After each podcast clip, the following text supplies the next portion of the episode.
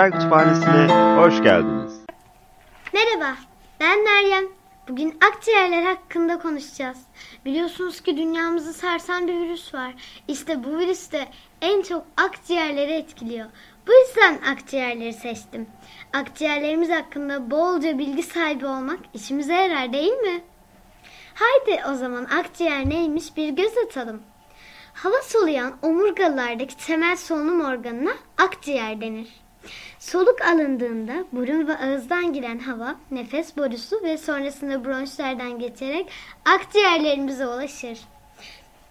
Akciğer solunum sisteminin en önemli organıdır.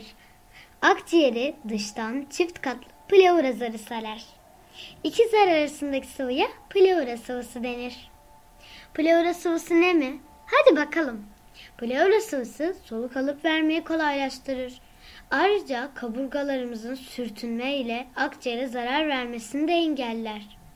Soluk borusunun ikiye ayrılması ile bronşlar, bronşların dağlanması ile çok ince bronşçuklar oluşur. Bronşçukların uçlarında ise alveoller bulunur. Alveoller üzüm salkımı şeklinde içi boş yapılardır. İki çeşit epitel hücresinden oluşmaktadır.